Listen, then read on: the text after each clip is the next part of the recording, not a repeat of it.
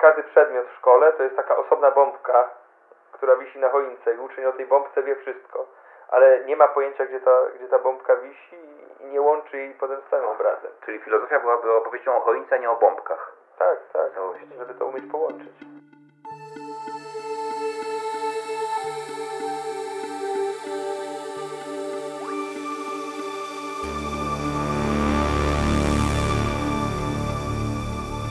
Pogawędnik filozoficzny.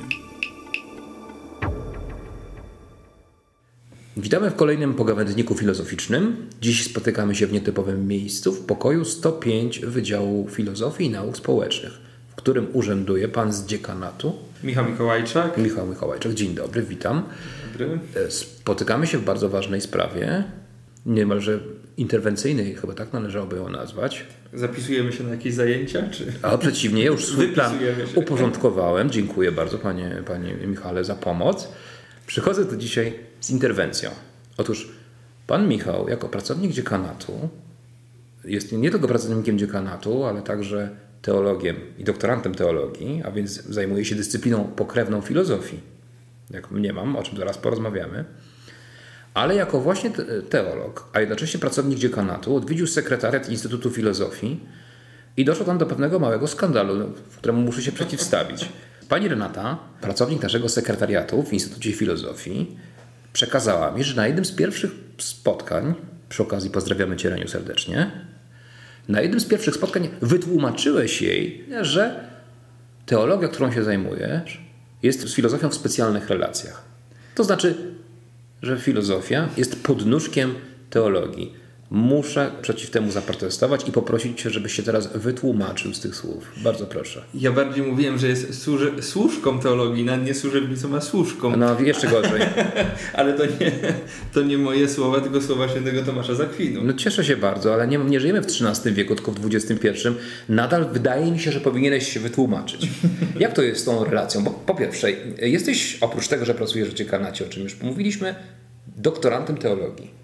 Tak, no mam nadzieję, że to było odebrane jako takie złośliwości akademickie, że się nie będziemy obrażać na siebie. Spór fakultetów, jak powiedziałby Immanuel Kant, prawdopodobnie, tak. No dobrze. E, No a- korzystamy z filozofii, tak? To Oczywiście. Jest, ten, żart, ten żart jest powtarzany, yy, te słowa świętego Tomasza Zakwinu, ale tak naprawdę filozofia stanowi bardzo ważny element na studiach teologicznych. Yy, Dwa lata się męczymy na wykładach. Trzeba pamiętać, że kto studiuje filozofię traci rozum, a kto studiuje teologię traci wiarę. A, wspaniałe, czyli dwa, a dwa lata, cztery semestry filozofii na studiach teologicznych, ale to jest, y, zapytam wprost, koncepcje dekonstrukcjonistyczne, y, Derrida, myśl feministyczna czy marksizm? No, bardziej, bardziej studujemy klasykę filozofii, tak? czyli filozofię klasyczną, ale to że nie kończy się ten wykład na Tomaszu z Akwinu. Nie, jedziemy do końca. Mieliśmy... No właśnie na koniec chciałem Mieliśmy zapytać. filozofię nowożytną y, z arcybiskupem Markiem Jędraszewskim. Ale to, to, To no to, to już są dwie ważne kwestie do omówienia, ale po pierwsze... To y, najbardziej się skupiał na tych wszystkich XIX-wiecznych. No tak, ale to nadal jest XIX wiek, a nie XX czy XXI. Ale to jestem w stanie zrozumieć. To znaczy, że studujecie filozofię klasyczną, no bo nie studujecie filozofii. My tak? dobrze, dobrze studiowaliśmy, dlatego nie dojechaliśmy do XX wieku, bo czasu zabrakło. A, no to jest ciekawa, ciekawa, ciekawa wykładnia. Ale widzisz dzisiaj z perspektywy, jako specjalista z zakresu teologii, doktorat teologii, jakąś korzyść z tej obecności tak silnej filozofii na Twoich studiach? No wielką korzyść, bo filozofia uczy nas myśleć, zadawać pytania. Yy, No i przychodząc na studia, to już jest tak trochę za późno zaczynać yy, filozofię. To powinno być o wiele wcześniej. Yy, Osobiście uważam, że filozofia powinna być w szkole już, wcześniej to było gimnazjum, ale mniej więcej w tym wieku, 13-14 lat, uczniowie powinni mieć kontakt z filozofią. No, myślisz sobie, co im to dało? Mówisz o utracie wiary na studiach teologicznych. Nie sądzisz, że oduczylibyśmy myślenia młodzież, gdybyśmy prowadzili... To jest też taki kolejny akademicki żart, prawda? Bo można dalej wymieniać, kto studiuje prawo, traci czas i tak dalej. Ale, ale jeżeli chodzi o filozofię, no to ona rzeczywiście uczy nas myśleć, stawiać pytania, co jest bardzo ważne, Yy, żeby podejść do tej do nauki jako takiego, nie wiem, wielkiego odkrywania i chęci poznawania, a nie tylko do wykuwania. No bo wiadomo, że na filozofię nie da się wy, wykuć, tak? Wykujemy y, jakieś tam słówko, tak? Będziemy obracać z greki czy z łaciny y, i próbować je porównać u różnych autorów, ale tak naprawdę musimy umieć no tak jak wspomniałem, obracać tym słowem i tak dalej, tak? Czyli to jest cała ta umiejętność myślenia, której nie nauczymy się na, y, nie nauczymy się w szkole wkuwając regułki. To tak jak zawsze mówię i żartuję, że uczymy ludzi pisać, a nie uczymy ludzi myśleć. I to stwarza potem szereg innych problemów. Ta moja opinia nie jest odrealniona, ponieważ 5 lat w szkole uczyłem i szalenie trudne jest prowadzenie na przykład y, religii, którą uczyłem, y, wśród uczniów, którzy nie potrafią sobie na przykład zadawać pytań, stawiać tych pytań. No i myślę, że ten sam problem y, dostrzegają nauczyciele innych przedmiotów, tak, że no nie potrafimy łączyć różnych dziedzin. Taka jedna nauczycielka mówiła, że każdy przedmiot w szkole to jest taka osobna bombka, która wisi na choince i uczeń o tej bombce wie wszystko, ale nie ma pojęcia, gdzie ta, gdzie ta bombka wisi i nie łączy jej potem z całym obrazem. Czyli filozofia byłaby opowieścią o choince, a nie o bombkach. Tak, tak. Całości. Żeby to umieć połączyć. A powiedz mi, czym zajmujesz się konkretnie w ramach swoich studiów teologicznych? Bo to jest też ciekawe. Y, źródłem i szczytem całej teologii, czyli liturgią. A co to jest najważniejszą? No dobrze, ale liturgią, y, jak ją rozumiesz? Bo to słowo ma potoczne, ale i bardziej specjalistyczne znaczenie. Możesz sobie wyjaśnić? Bo... To znaczy, myśląc o liturgii, to znowu złośliwość akademicka mówi się, że to jest taki WF kościelny, tak? Że... WF. WF że... Wychowanie fizyczne. Studenci mówią, że idą na wychowanie fizyczne, tak? No bo to gdzie przejść, gdzie się ukłonić i tak dalej, i tak dalej. Ale to tak jak wspomniałem, źródło i szczyt, yy, czyli coś najważniejszego yy, w tej całej teologii, bo liturgia wyraża to, co studiujemy, czyli to, co uczymy się, ale także to, co przeżywamy, w co wierzymy.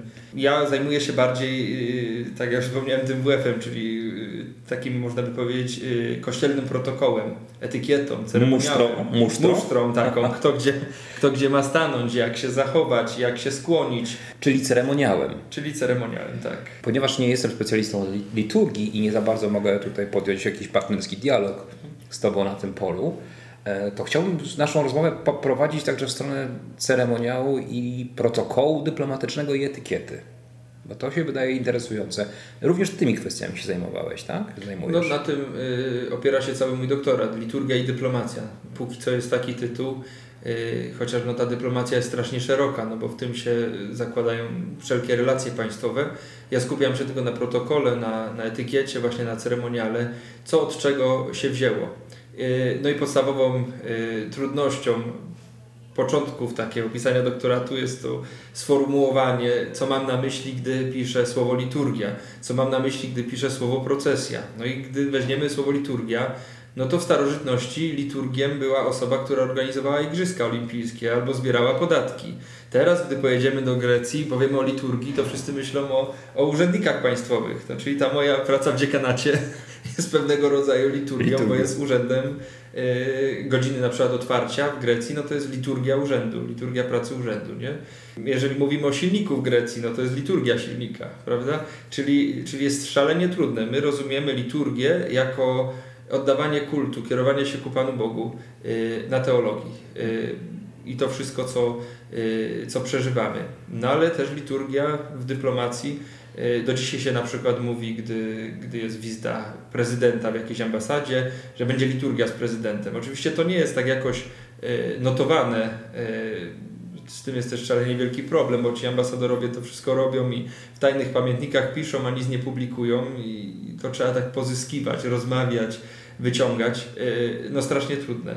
Ale to słowo liturgia funkcjonuje do dzisiaj. No czy słowo procesja, no to, to już jest w ogóle ciekawe. A dlaczego? Powiedz coś więcej. No, procesja jest słowem typowo świeckim. To tak dosłownie tydzień temu bodajże yy, na jakimś portalu ukazał się wywiad z kardynałem Krajewskim, który mówi, mówi o procesjach równości.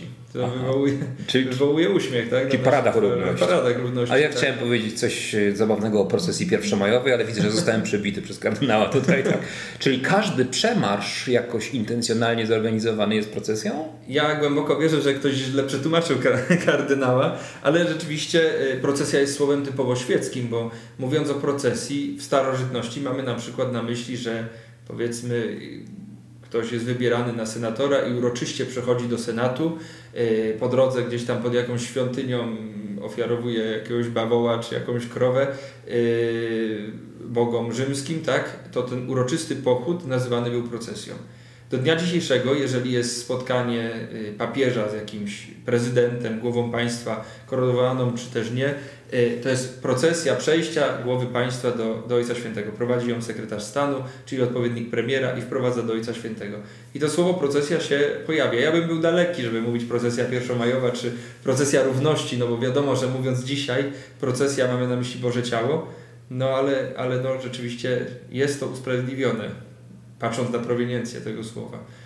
A powiedz coś więcej na temat tego konkretnego dokumentu czy tekstu, nad którym pracujesz, bo ty sięgasz aż do XVI wieku w badaniu ceremoniału, tak? Tak, do, do Paris de Graciego. To był ceremoniarz boloński, e, brat kardynała Graciego, to prawnicy powinni kojarzyć, bo bardzo duży wpływ miał e, na prawo kościelne. E, na sam Graci został ceremoniarzem, myślę, że jednego z najbardziej znanych renesansowych papieży Juliusza II, bardziej go kojarzymy na koniu w zbroi podbijającego Europę niż, niż odprawiającego mszę świętą. No, nie chciałbym podważać, ale mógłby być problem, czy w ogóle jakąkolwiek, jaką papież odprawił. Yy, no i właśnie Paris de pisząc ten ceremoniał, powołuje się na całą spuściznę, całą y, historię tego wszystkiego, co dzisiaj nazywamy ceremoniałem. Tak? A gdzie, jak głęboko sięgają tego korzenie tego ceremoniału? No, Paris de Gracie pisze nawet i o ludach wcześniejszych do tych, co my nazywamy starożytną Grecją, Rzymem i tak dalej, że gdzieś kogoś składano w ofierze, o takich... O Etruskach na przykład nawet no, jeszcze, tak? Do dzisiaj w liturgii papieskiej mamy motywy etruskie. Mało tak? kto może na to zwrócić na, uwagę, ale jakiś przykład podać? papież wchodząc y, na liturgię y, zapowiadają go trąby, tak? To jest typowo od Etrusków wzięte, bo Rzymianie wzięli to od Etrusków, a papiestwo wzięło to od Rzymian. To bardzo interesujące, y, co mówisz. A pozwól, że zapytam Cię trochę z innej strony. Teraz zajmujesz się tym doktoratem, studiujesz. Znajdujesz na to czas? Bo oprócz, Strasznie ciężko. Oprócz tego zdaje, zdaje się pełnisz bardzo ważną funkcję administracyjną. Trudną funkcję. Nie spodziewałem się, że, że praca w dziekanacie jest aż tak trudna. Tak? My się denerwujemy na panie z dziekanatu, że na czym trzeba poczekać, że czegoś y, nie można załatwić od ręki. Y, no, widzę tą pracę od drugiej strony. Ona wcale lekka nie jest. Jest bardzo wymagająca bardzo Ci dziękuję za ten głos. Niech on będzie dla nas obu, ale nie tylko, pewnym przywołaniem nas do porządku i pretekstem do pozdrowienia całego zespołu naszego dziekanatu i wszystkich dziekanatów i administracji uniwersyteckiej, która wykonuje niewdzięczną, często niewidoczną pracę, a która jednak jest no, bardzo niezbędna. Ważna, niezbędna tak. Widzisz, takie doświadczenie dla doktoranta teologii jest również jakoś ożywcze, tak? Że usiądzie za biurkiem po drugiej stronie i zobaczy, jak to wygląda z tamtej trudno, strony. Trudno mówić o ożywieniu, bo jestem tak zmęczony tym usosem, mhm. yy, że, że trudno potem się zabrać do pracy naukowej. Ja tego bym nie chciał sobie przepaścić. Bo... Może wyjaśnijmy, czym jest USOS, bo nie wiemy, kto nas słucha. Nie tylko studenci w um, USOS, no ja, ja to tak tłumaczę, że to jest Uniwersytecki System Ogłupiania Studenta. to jest oficjalna nazwa, wolno Ci jej używać. No, znaczy tak w żartach, ale rzeczywiście ostatnie dwa dni, mm, kiedy odwiedziło mnie w tym pokoiku tutaj 95 studentów, bo sobie robię kreseczki na kartce, 95 studentów, no pokazuje, że jednak y, jest on bardzo pomocny, ale też i sprawia y, dużą trudność. No jak każde narzędzie się alienuje i żyje swoim własnym życiem, tak? Trzeba je karmić swoją własną pracą, tak? E, a czym się zakładnie zajmujesz? Czego ci studenci od Ciebie chcieli, powiedz? Bo teraz nie ma już indeksów, E, co, co, w jakich sprawach im pomagałeś? No rejestracja na zajęcia albo wyrejestrowywanie się, mhm. żeby tak. wszystko w planie było zgodnie i pasowało, żeby mogli studiować. Bo jesteśmy rzeczywiście na przełomie semestrów i, i to jest chyba gorący okres dla Ciebie, jak rozumiem. Tak, bardzo gorący. Bardzo gorący. Kiedy wszedłem do Twojego pokoju, to uprzedziłeś mnie, że mogę zaobserwować niepokojący zapach. Skąd to ostrzeżenie? Dlaczego? No, próbujemy dojść. Najbardziej prawdopodobna wersja jest, że coś y, w ten, nie wiem jak to się nazywa, wlot, wylot. Y, Wentylacji. Wpadło, wentylacyjny, tak. Y, wpadło, nie wiem, zakończyło żywot i teraz umila zapachem rozkładu swego. Rozumiem. No to są uroki pra, pracy i studiów w no, historycznym budynku, będzie o tym osobny program z tego typu wyzwaniami starzejącej się infrastruktury też się musimy zmierzyć, tak? Wolałbym, żeby ta infrastruktura była starsza. Taka, Jeszcze starsza. Tak, moderna to raczej tak mnie nie kręci. Wykorzystajmy ten wątek do pozdrowienia kierownika administracyjnego budynku, pan, naszej drogiej pani Eli, która dba o to, żeby mm, sufit nie zawalił nam się na głowę i żeby mimo tego, że ta infrastruktura się nam tu starzeje, żebyśmy mogli wszyscy jakoś funkcjonować. Tak, patrząc na zaangażowanie pani Eli, to możemy spać spokojnie. Prawa ręka pani Eli Karolina również, również działa tutaj od rana do wieczora, można by powiedzieć, także możemy spać spokojnie, nie zawali się, a ten ptaszek, który tam wpadł, w końcu się rozłoży. Bardzo się cieszę, że, że lekcja teologii, jaką dzisiaj od Ciebie uzyskaliśmy, zwróciła nas także w stronę relacji nie tylko z Bogiem, ale i z żywymi ludźmi, tak, z naszego bezpośredniego otoczenia. Bardzo Ci za to dziękuję.